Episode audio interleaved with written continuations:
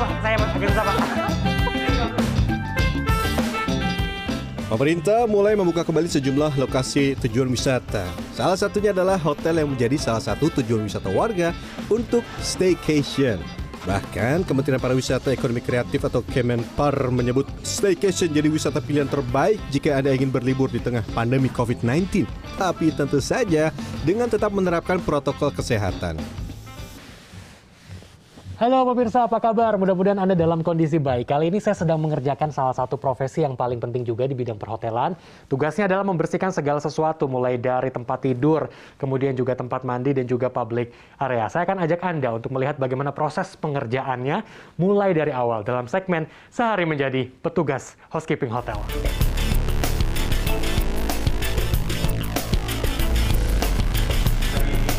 Sebelum bertugas, ada satu kegiatan yang wajib dilakukan para housekeeping setiap pagi, yaitu pengarahan. Kenapa harus dikumpulkan? Karena tugas housekeeping sangat banyak, sehingga perlu pembagian kerja. Waduh, kira-kira saya bisa nggak ya?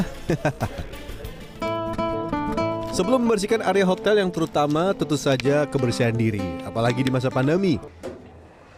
Mari Mas Mbak. Waduh, waduh, waduh, waduh, waduh, baru juga naik ke lantai 12 ini. Nah, pemirsa saya udah di lantai 12. Ini tempat saya bertugas. Katanya saya tidak sendiri sama partner saya. Halo.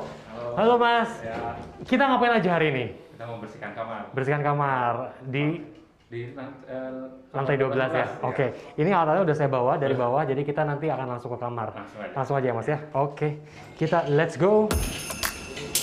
Bersama Mas Rizal, saya akan membersihkan salah satu kamar hotel di lantai 12. Informasi dari petugas hotel, kamar ini sudah tidak ada tamu. Tapi sesuai prosedur, kami tidak bisa sembarangan masuk kamar. Housekeeping. Kalau udah tiga kali nggak ada yang jawab, artinya kita punya akses untuk membukanya ya. Oke, kita langsung buka mas. kuncinya Oh ini kuncinya. Nih? Mana? Uh. Ah. Ini dia kamar yang akan dibersihkan. Waduh. Langkah pertama, membersihkan sampah. Semua sampah langsung kita pisahkan. Mulai dari area kamar mandi, area kamar, dan baru kita bersihkan area utama. Mas, kan kalau tamu hotel kan kita tidak bisa prediksi kapan datangnya ya. Nah kalau misalnya membersihkan seperti ini biasa waktunya tuh berapa lama sih harusnya? untuk kamar 45 menit 45 menitan, harus udah beres semuanya itu. Oh, kita tadi itu udah lumayan berjalan waktunya ini ternyata ya. Kita harus lebih dari, eh kurang dari 45 menit nih. Oke, udah bersih gimana mas selanjutnya? 45 menit. Wah, untuk saya sih ini sangat amat kurang karena banyak yang harus dilakukan. Ya udah, lanjut yuk kita bersih-bersih. Memasang spray tempat untuk bantal di bidang perhotelan tidak mudah karena biasanya memang ada teknik tertentu. Tujuannya ya tentu agar membuat para tamu hotel merasa nyaman. Terlihatnya memang mudah, tapi ternyata untuk memasukkan spray ke dalam kasur sesuai SOP dari perhotelan memang ada tekniknya. Tadi empat sisi saya sudah diajari oleh masnya, tetap nggak bisa. Susah, jadi memang jangan menganggap sepele. Oke.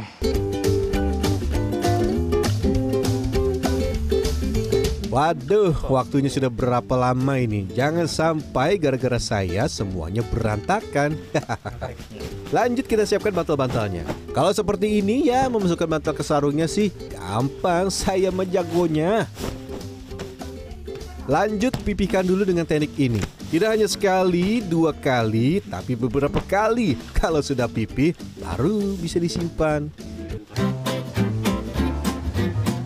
Urusan spray atau linen beres, bantal beres, hanya kita memasang selimut atau disebut duvet. Harus dua orang ya. Nah, udah rapi nih. Kayaknya enak nih kalau tidur. Hei, jangan senang dulu. Pekerjaan masih banyak. Kamar mandi sudah menunggu. Besar pula. Yang pertama adalah area wastafel. Semprot dan lap ya sampai kinclong.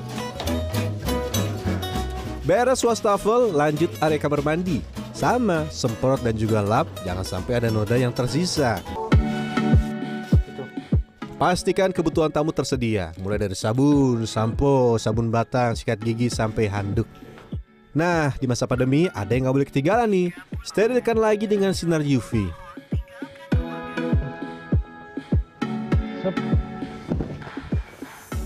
Oke, pemirsa pekerjaan saya di tempat tidur sudah selesai, sudah beres, tapi bukan berarti semua pekerjaan sudah selesai dilakukan pada hari ini. Saya akan berganti ke station selanjutnya, ke laundry room ya Mas Rizal. Jadi di sana kita akan mencari tahu bagaimana proses pencucian dari setiap barang yang ada di eh, ruangan-ruangan kamar hotel, mulai dari bagaimana cara mencuci spray dan lain sebagainya. Lanjut ya Mas ya, yuk kita jalan.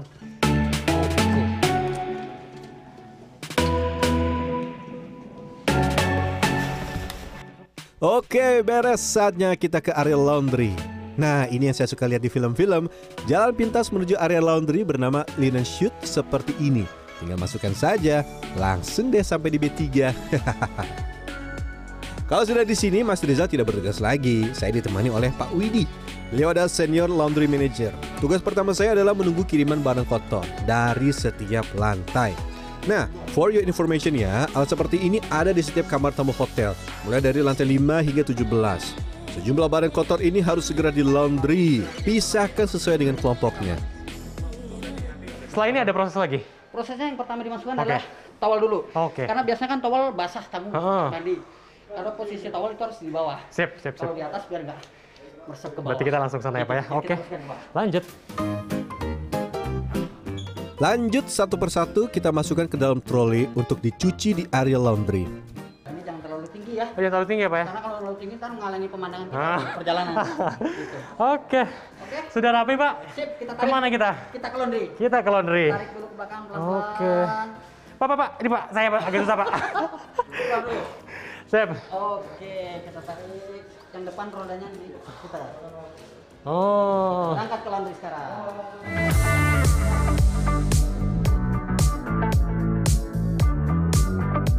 Dari mulai suhu hingga aroma ruangan ini memang beda.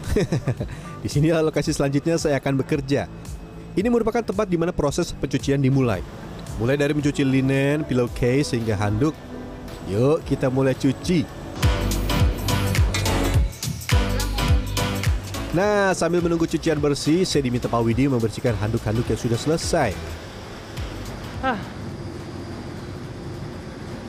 Baru kita bawa ke mesin laundry. Ini setelah selesai dicuci, totalnya ada 90 kilo, berat sekali karena memang satu handuknya aja sudah tebal. Dan ini prosesnya tidak berakhir sampai di sini, tapi ada proses pengeringan yang akan dilakukan. Agak masih basah ya Pak? Pengeringan handuk akan memakan waktu 60 menit di suhu 70 hingga 80 derajat Celcius. Dia akan sendiri. Oh oke.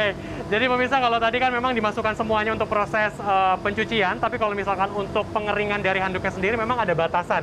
Seperti borderline warna kuning ini, ini adalah batas karena memang nantinya si handuknya itu akan mengembang. Nah kalau misalkan diisi penuh, takutnya memang tidak akan masuk di dalam si mesinnya ini. Dikeringkannya selama 60 menit dengan suhu sekitar 70 70 sampai 80 derajat. sampai 80 derajat. Setelah itu baru bisa diangkat untuk kemudian nanti di-serve lagi kepada para tamu.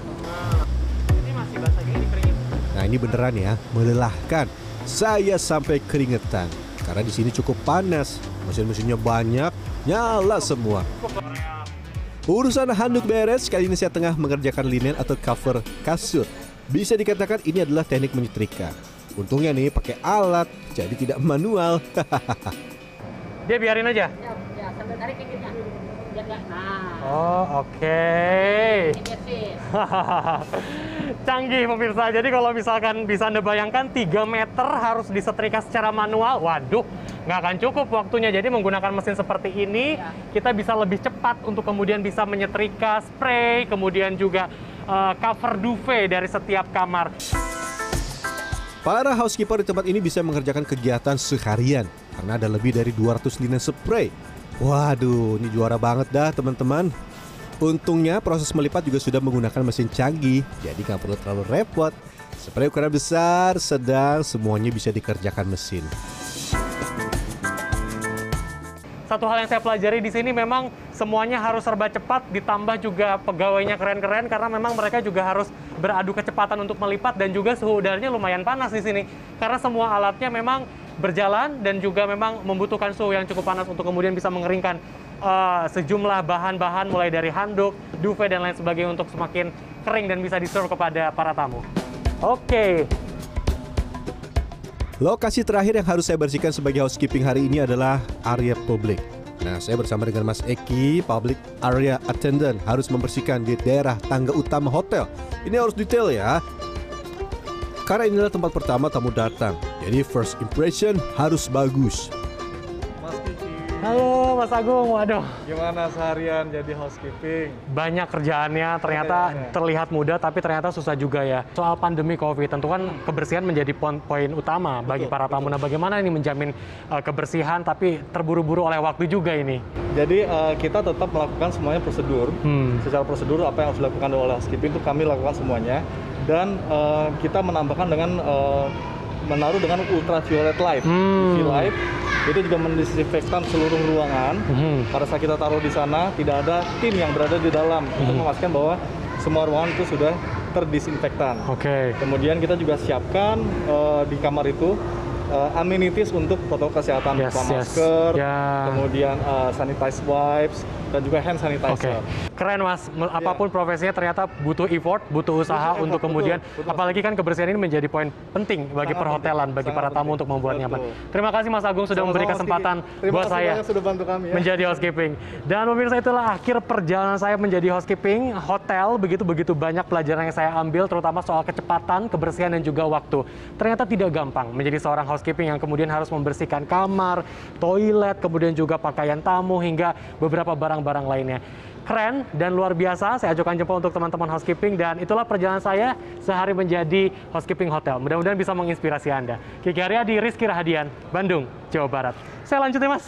Ya, Mas.